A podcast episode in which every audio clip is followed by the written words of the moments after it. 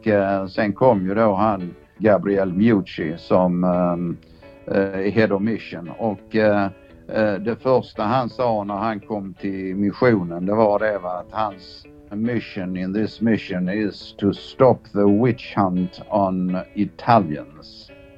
Sen var det så att säga kört. Välkomna till Spionpodden.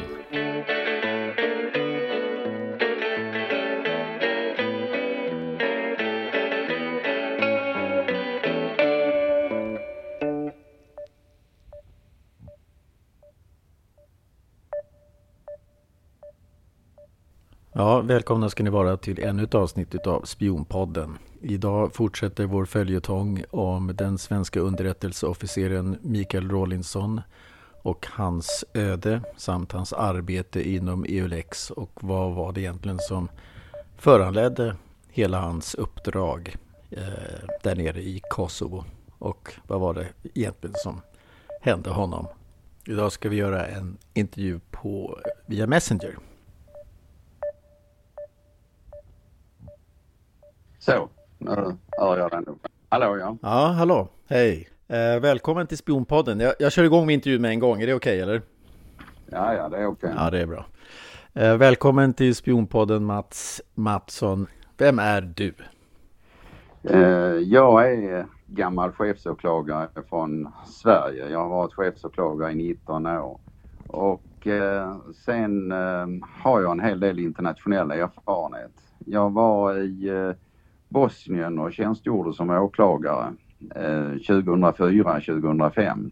Mm. Sedan åkte jag till, eh, sen var jag hemma ett tag och sen 2012 till och med 2014 så var jag i eh, Kosovo och där var jag inte åklagare men där var jag chef för det internationella rättsväsendet kan man säga. Just nu efter pensioneringen så eh, är jag eh, aktiv som jurist på eh, en advokatbyrå, Hyljenmark i Lund. Okay. Så jag jobbar med lite vanliga mål, eh, svenska mål också nu, fast från andra sidan om man säger så. Jo, jag skulle så gärna vilja veta vad, vad, ehm, vad, vad var din uppgift och position i, inom EULEX? Ja, ska jag säga det så ska man kanske först säga lite grann kort vad EULEX var för mm. någonting. Va? Alltså EULEX var en EU-mission och EU-missioner har ett eh, visst eh, syfte.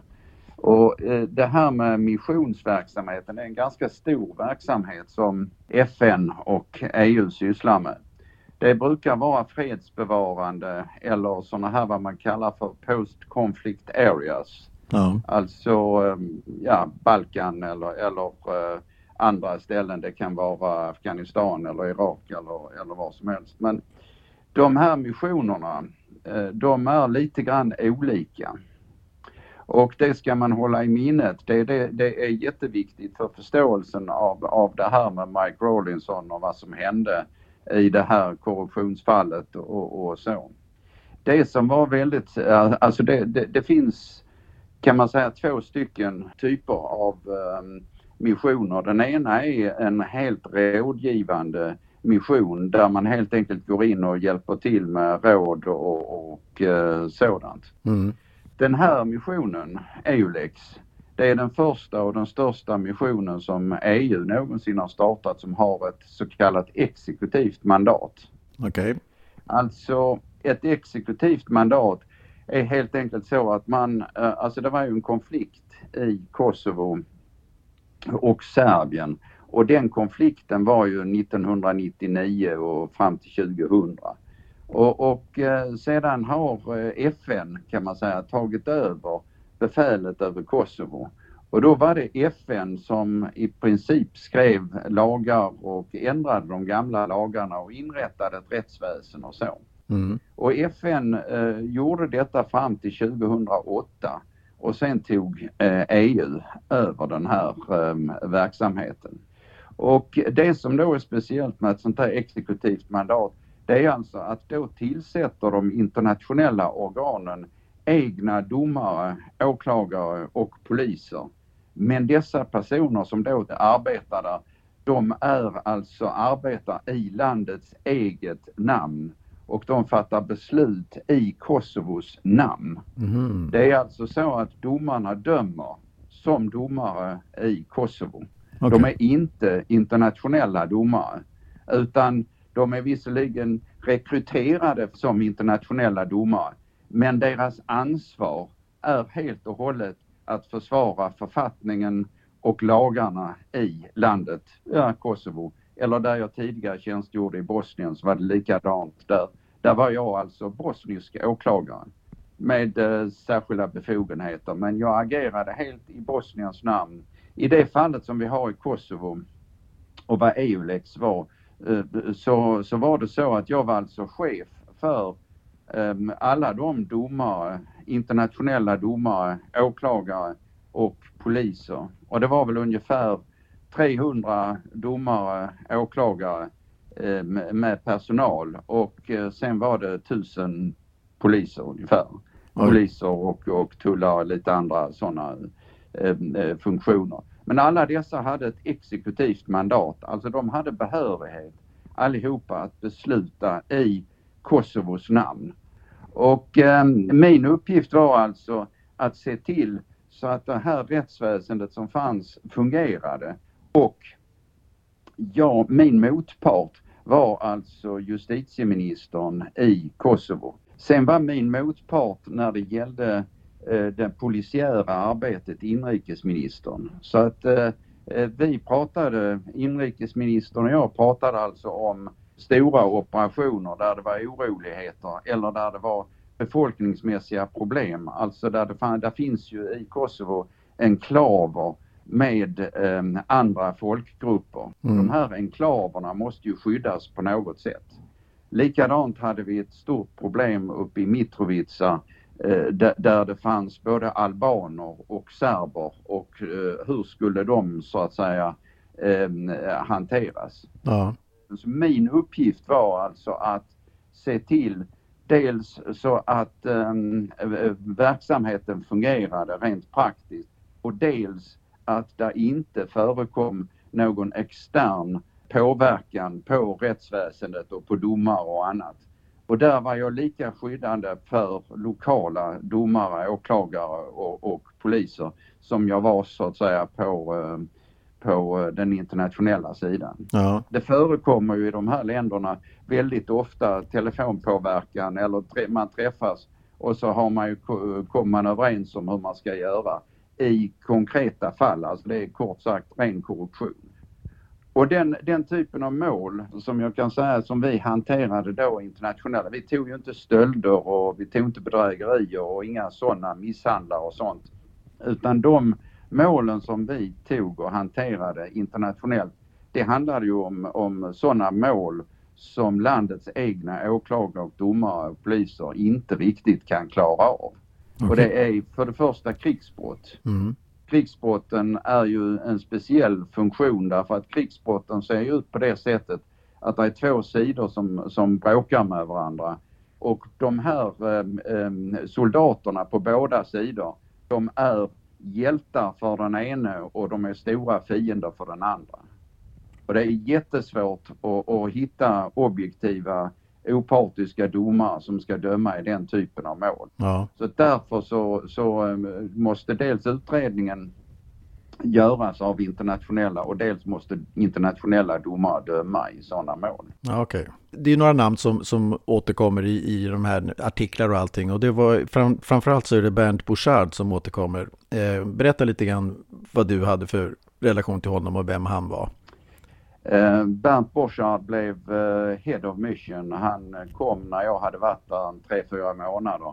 Då efterträdde han en fransk Head of Mission och Head of Mission var så att säga min chef. Han var ansvarig för framförallt budget, administration och sådant. Mm. och sen var han ju ansvarig för ehm, allt man kan säga i, i princip alla presskontakter, diplomatiskt ansvarig för gentemot EU och diplomatiskt ansvarig gentemot uh, Kosovo. Mm. Hans motpart kan jag säga var ju premiärministern i Government of Kosovo. Okay. Så att uh, han träffade premiärministern och, och, jag träffade justitieministern och inrikesministern. Mm.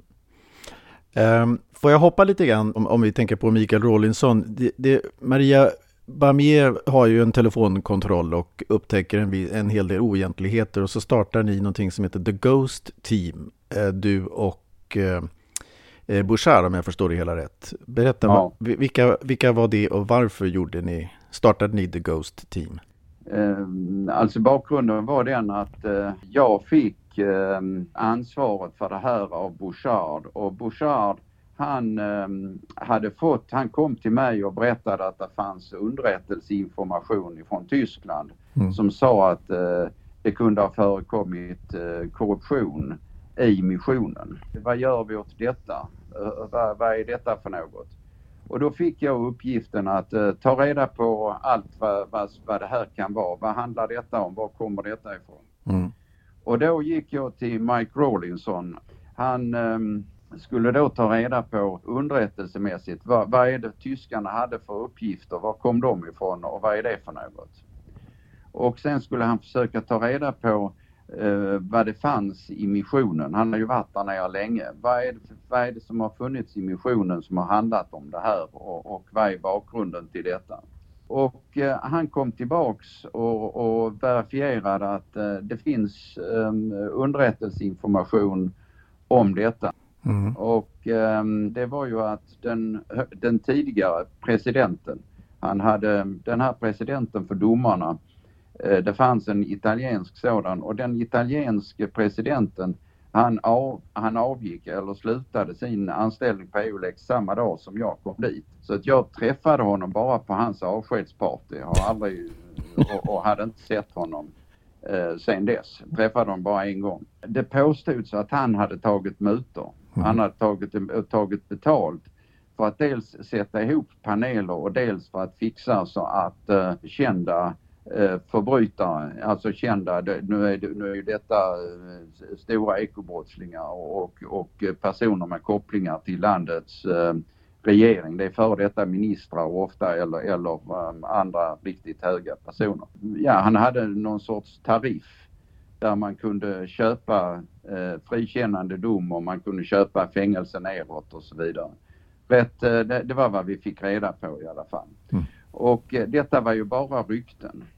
Så att detta var ju inget eh, som vi såg någon substans i. Eh, så att man ska ha det klart för sig att detta, och det kan ju komma rykten ifrån lokala befolkning som vill, kom, vill sätta fast en, en eh, nationell domare för att de har blivit dömda. Va? Så att eh, det, det, finns ju det, osäkerheten om detta är ju, den är ju jättestor. Vad var det för tariff? Kommer du ihåg det?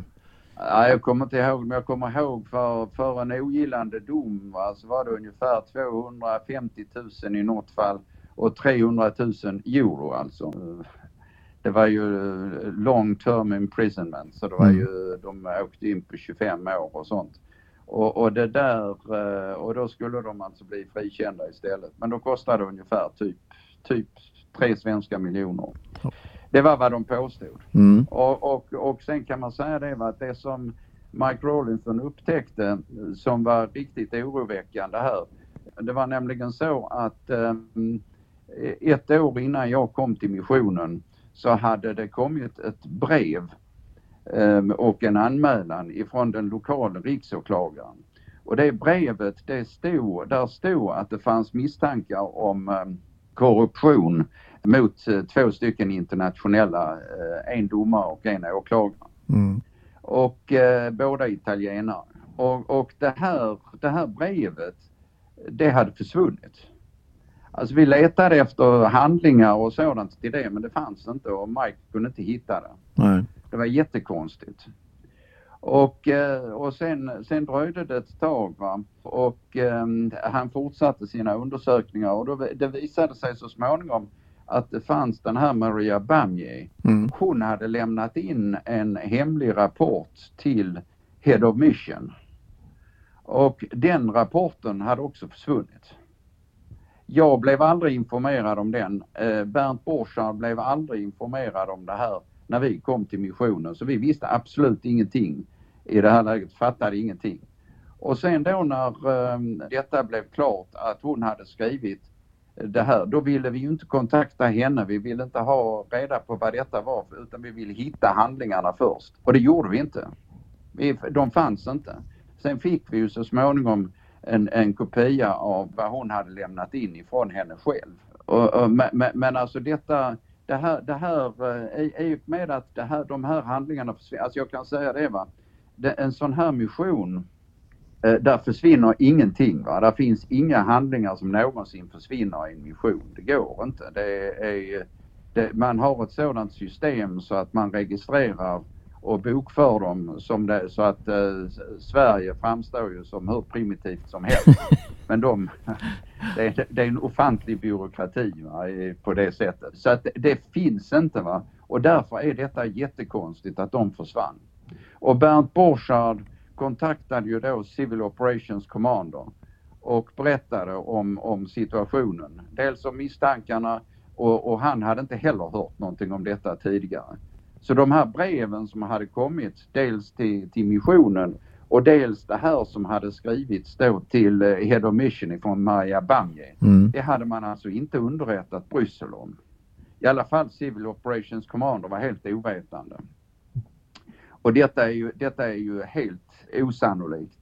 Det, det finns interna eh, system för, för hur man ska återrapportera och detta är ju politisk dynamit så det är ju uppenbart att man skulle ha rapporterat detta till Civil Operations Commander. Men som sagt, det hade inte skett. Varför tror du att det inte hade skett? Ja, alltså det var ju det som, det som blev frågan. Varför har, de, har det här inte rapporterats till Hans-Jürgen Haber som då var Civil Operations Commander. Alltså Civil Operations Commander är ju den, eh, kan man säga, direktör, chef. Det är högsta utrikeschefen. Han är chef för, eller hon, är chef för alla de EU-missioner, alltså utlandsuppdrag som EU eh, e arrangerar. Så mm. det är ju en väldigt hög tjänst om vi säger det, säger det så. Och, och, han visste alltså ingenting om, om eh, detta. Och då, då var ju frågan Uh, han visste ju inte varför. Nej. Och han ville ju hålla detta absolut uh, hemligt. Därför att uh, han uppfattade ju att det måste finnas en läcka någonstans. Det måste finnas någon som ser till så att de här meddelandena inte kommer fram. Alltså det är någon som, som gör en cover-up någonstans. Mm. Det misstänkte han. Och det misstänkte Bouchard och det misstänkte väl jag och, och framförallt Mike Rawlinson.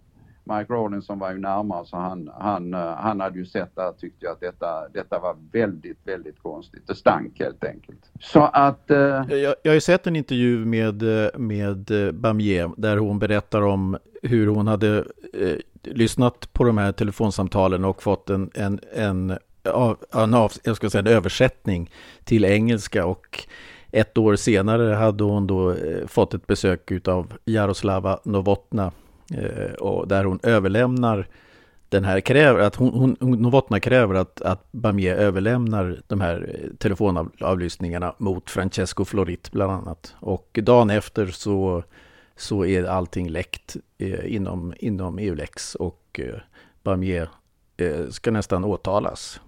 Stämmer det? Uh, ungefär. Mm. Det var väl, uh, alltså det stä, i stora drag stämmer det. Det var väl uh, ett händelseförlopp som var, var, lite utdraget på tiden. Men det var ju så här att som jag sa, vi visste ju inte Maria Bamiers roll och vad hon hade för bevisning mot om det här. Det fick vi ju inte reda på förrän senare. Ah, okay. Och när vi fick reda på det att Eh, Eh, det här hade undanhållits och vi hittade faktiskt spår av den här Maria Bamjes eh, rapport och det fanns i ett kassaskåp för eh, dåvarande Deputy Head of Mission på missionen. Där fanns alltså delar av Maria Bamjes rapport och de fanns hos Deputy Head of Mission. Då måste ju per definition, då måste ju Civil Operations Commander Eh, har blivit underrättad eller i vart fall borde ha blivit det. Det är ju alldeles uppenbart. Hon, hon eh, redovisade så småningom, alltså när vi fick läsa den här och fick tag på hennes eh, handlingar, då blev ju detta rätt intressant. Och sen följde ju Mike Rawlinson upp detta va, med, eh, fanns det andra saker utöver det som Maria Bamje hade? Maria Bamje hade ju en del telefonavlyssningar som hon hade haft mot eh, de här misstänkta. Mm. Och de här misstänkta telefonavlyssningarna, det man får fram av dem var ungefär, de pratar inte helt klartext, men alltså det man egentligen förstår vad de säger, det är att de samlar ihop pengar. Och detta var då inte högprofilbrottslingar utan detta var så att säga sådana som hade fått något beställningsjobb. Och eh, de här ehm, eh, mördarna då, de, de hade eh, de eh, hade fått anlita sina familjer och där i Kosovo så har man liksom inte riktigt familjer i vår mening utan man har större klaner kan man kalla det för. Mm. Det är alltså storfamiljer. Och de storfamiljerna de samlar in pengar från allihopa och då kan det bli rätt mycket och då har de råd att samla in alltså typ 300 000 eh, mm. euro. Men det som var, det som eh, Mike Rawlinson hittade också som kom fram till, det var ju att det fanns, um, man tittade på de här um, advokaterna och de här personerna som var närmast berörda av um, Eh, den här Maria Bamjes ehm, telefon och då alltså de avlyssningarna. Och då, då visade det sig va, att um, där fanns ett antal personer, ehm, advokater, främst advokater, som på sina klientmedelskonton hade transfererat in och ut över 200 miljoner euro. Det är två miljarder som alltså ett antal sådana här advokater i Kosovo skulle ha tillgång till. Alltså det var, det var ju ofattbara summor. Och, och, eh, när han presenterade det här och detta presenterades ju vidare för um, ja, mig och Bernt Borchardt och uh, Hans-Jürgen Haber och, och de här. Och då, då upptäckte man ju att, att alltså det här, det är så mycket pengar så att det här handlar ju inte bara om att köpa en domare vid ett tillfälle utan här handlar det ju om att du köper ju oerhört mycket mer. Och, och då fanns det ju ett skäl för att eh, inleda någon sorts utredning. Vad, är detta för pengar? Var kommer de ifrån? Detta var en gigantisk penningtvätt naturligtvis om man ser det ur brottslig synpunkt på det sättet. Men vi kopplade det ju eh, till de här korruptionspengarna därför att tydligen var det så att de advokater som hade varit inblandade i insamlingen de hade alltså haft insättningar på den här storleksordningen och där man också kunde se um, uh, i viss mån uh, att det fanns, kunde finnas en koppling mellan de pengarna som de hade satt in och fått in och de eh, påstådda utbetalningarna som sen hade gjorts till eh, den här domaren som var påstods vara mutad. Så att man hade liksom någon sorts koppling till detta och Maria Bamje hon hade mm, varit i kontakt med den här presidenten och, och för domarna och, och, hon hade haft ett samtal med honom eh, där hon hade, helt enkelt hade konfronterat honom med detta. Och hon var rätt oförvånad över att missionen inte hade gjort något. Men alltså vi, vi visste inget. Jag visste inget förrän eh Eh, detta var ju då typ i april ehm, eh, 2013 som eh, jag tror det var i februari 2013 som Borchard kom till mig och fram emot april så hade vi mer klart för oss vad, vad det här egentligen handlade om.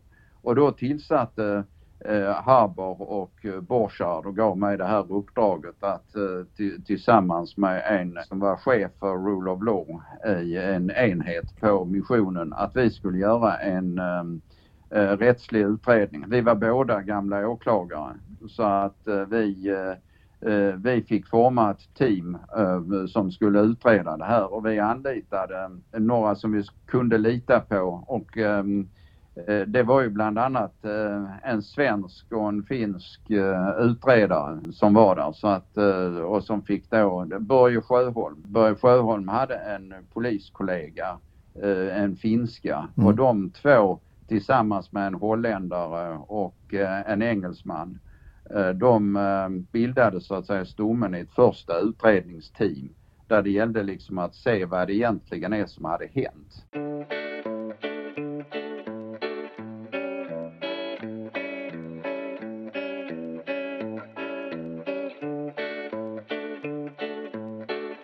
Och nu fortsätter intervjun med Mats Mattsson pensionerad chefsåklagare samt chef för det internationella rättsväsendet i Kosovo mellan 2012 till 2014. Med andra ord, eh, här har vi verkligen EULEX inifrån.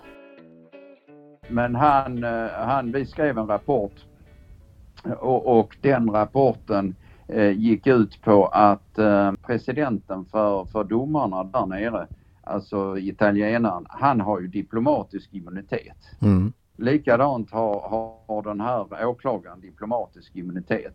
Så de två kan ju inte vi utreda. Vi har ju inte rätt att utreda dem. Va? Men sen var det ju så här att det finns ju en motsida på detta.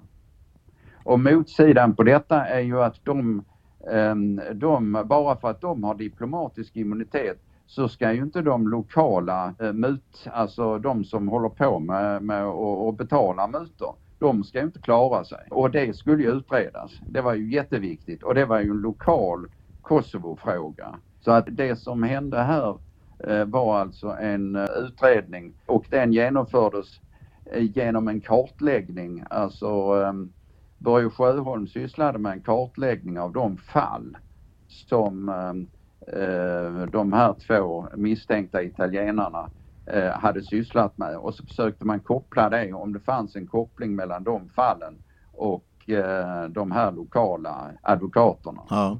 Eh, det var ju en lokal fråga och den lokala riksåklagaren fick jag kontakta och så diskuterade vi hur detta skulle lösas. Vad, är det ni, för det, det här var hans målområde.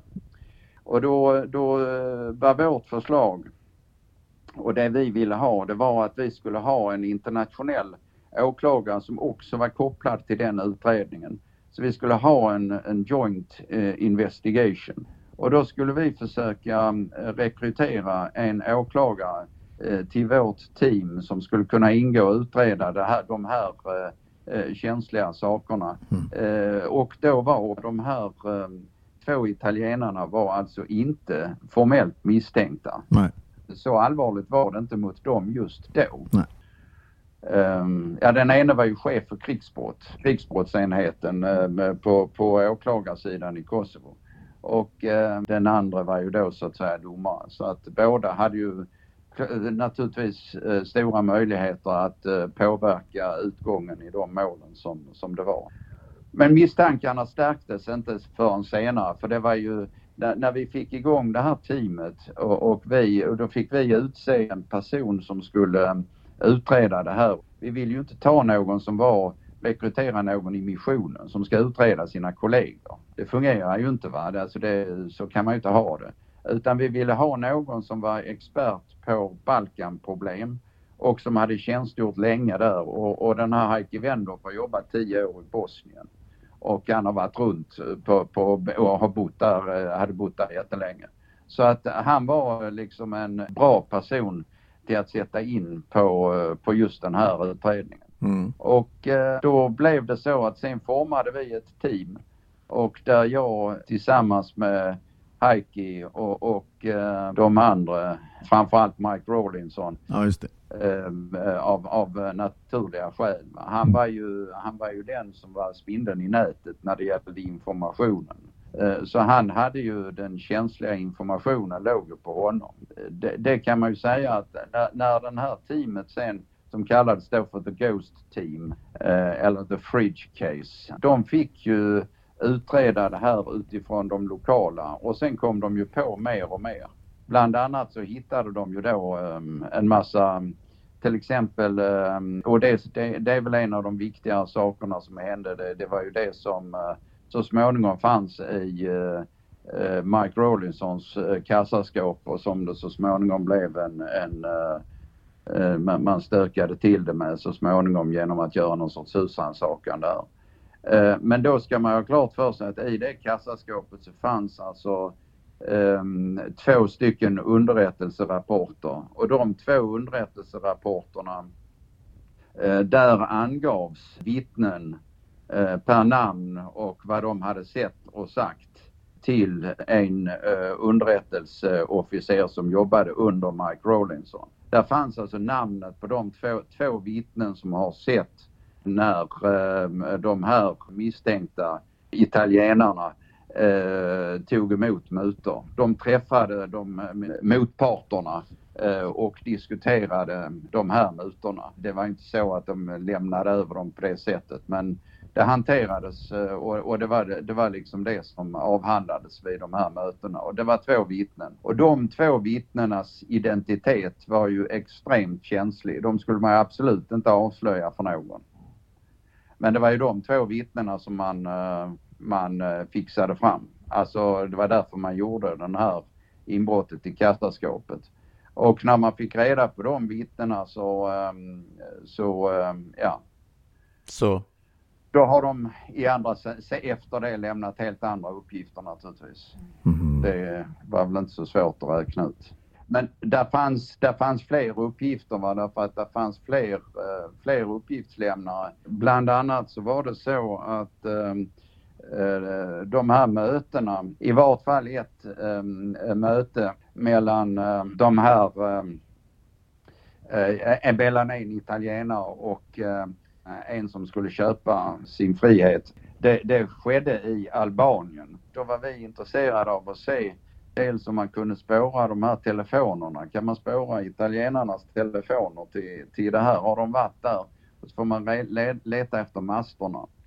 Och, och dels, um, dels var det ju så att man ville se på de här inpasseringskontrollerna. Har de, varit, uh, har de lämnat uh, Kosovo och kommit in i Albanien och så där vidare. Mm. Men uh, nu är det ju så att den här, det här tillfället, det hade ju skett på så sätt och då var det ju den, den här presidenten som skulle dit. Då hade det ju skett på det sättet att ehm, ähm, gränsposteringen mellan Kosovo och Albanien, äh, den är inte bemannad sommartid. Så att det liksom, där finns ingen registrering. Och det är små, man ska ha klart för sig det är små gränsövergångar så att det är bara att köra tvärs över. En, en annan sak som är, är besvärande i sammanhang på det sättet det är ju som jag förstår att eh, de här italienarna de hade ju diplomatpass. Så att de kan ju färdas över gränserna utan att det syns. Och har man diplomatpass så stämplas ju inte det. Och det registreras ju inte heller. Nej. Jag blev lite nyfiken på, vi, pratade om eh, vad som fanns i, i Rawlinsons kassaskåp. Eh, är, är, det, är det även det här med, med eh, den här äh, italienska ambassadören Andreas äh, Ferrarese och äh, Schengenvisum som kan ha funnits där? Uh, ja, det här, det, det här passportcaset, ja just det, men Ferrarese var inte den som var misstänkt utan det var hans företrädare mm. som var inblandade i uh, det där uh, fallet. Han kom dit ehm, för att eh, städa upp. Men det här, alltså eh, det, det målet, det var ju också eh, en jättestort skandal och ärende.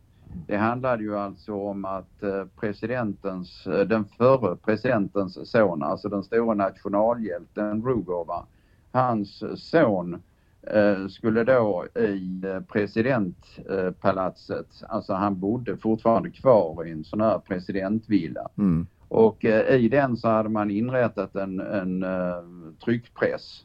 Och den tryckpressen fixade då falska handlingar.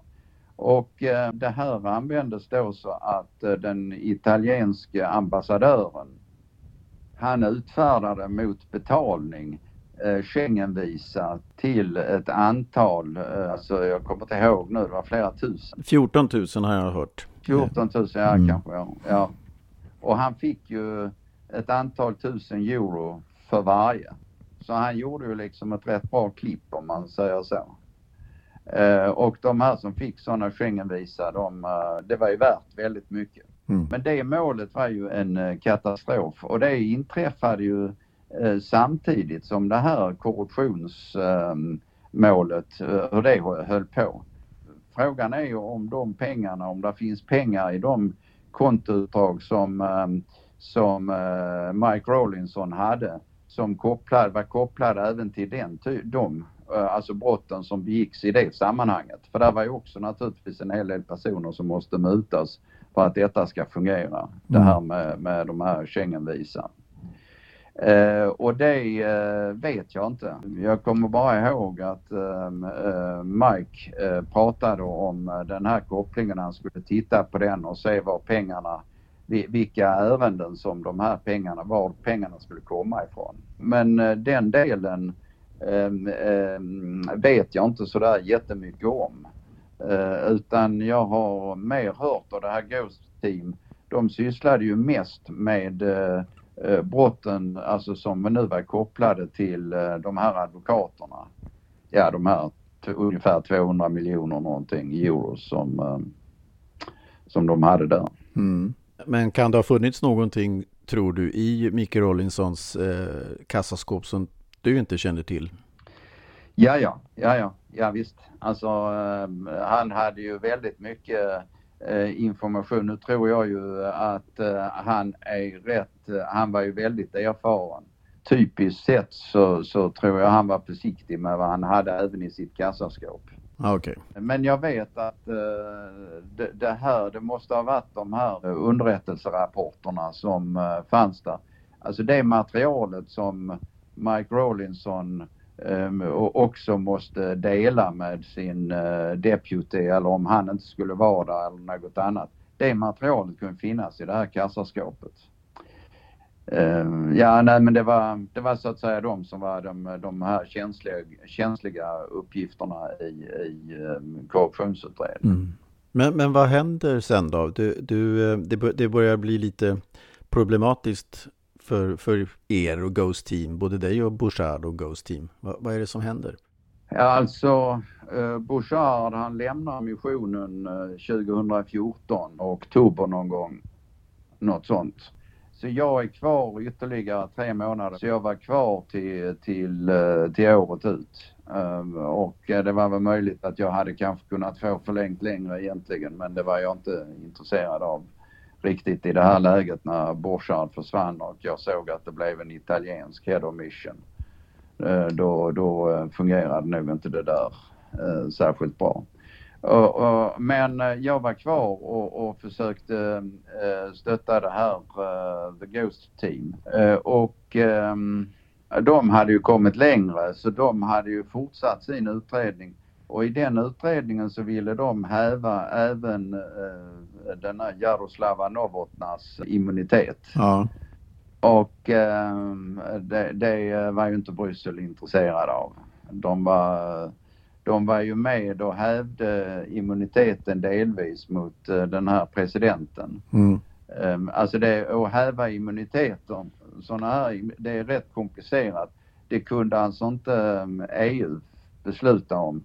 Eh, utan de var tvungna, eftersom detta hade sina rötter i en eh, FN-mission, eh, så är det så att ehm, det var generalsekreteraren i FN som måste ge sitt tillstånd för att man skulle kunna upphäva de här restriktionerna. Och det, så det var ju lite grann en procedur. Och det fick vi igenom för eh, den här italienske eh, presidentdomaren. Sen tror jag att eh, man i Bryssel var rätt ointresserad av att fortsätta den här utredningen.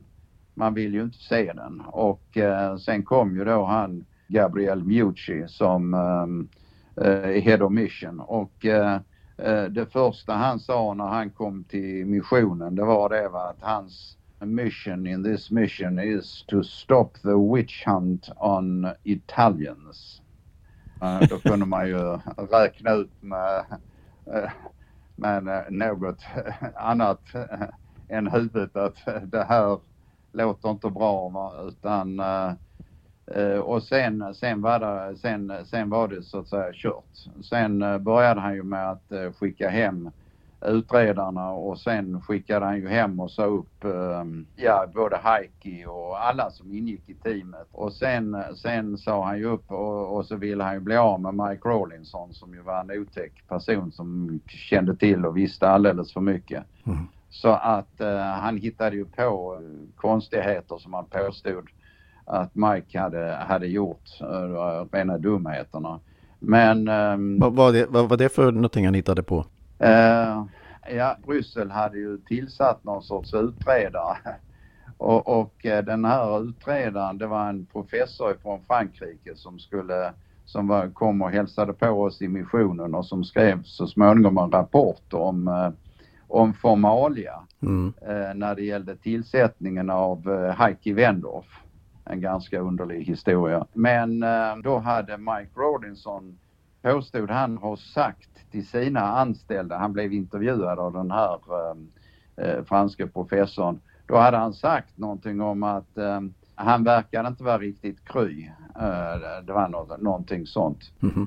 Och det där hade då varit att han har uh, uh, försatt uh, the mission in disrepute. Alltså han hade förtalat missionen eller det var så dumt så att det, det, det och det var, det var tydligen det första skälet till att han blev avstängd. Men sen hittade han ju på mer va? så att det var ju, det var, alltså det var ju jättekonstigt. Det här var slutet på del 1 av intervjun med Mats Mattsson, pensionerad chefsåklagare och eh, chef för det internationella rättsväsendet inom Kosovo mellan 2012 och 2014. Vill ni höra mer om fallet Mikael Rawlinson och om den minst sagt annorlunda maktstrukturen inom EULEX så ska ni lyssna på del två av Mats Mattssons intervju som kommer snart här på Spionpodden. Och ni som hör detta som första avsnitt, lyssna gärna på episod 26 och episod 27. Där får ni lite andra vinklar av den här historien. Eh, men glöm inte att gå in på Facebook, Spionpodden eller Instagram, spion.podden. Där lägger jag som vanligt upp extra material från varje avsnitt. Mikael Hylin heter jag och vi hörs snart igen hoppas jag. Hej!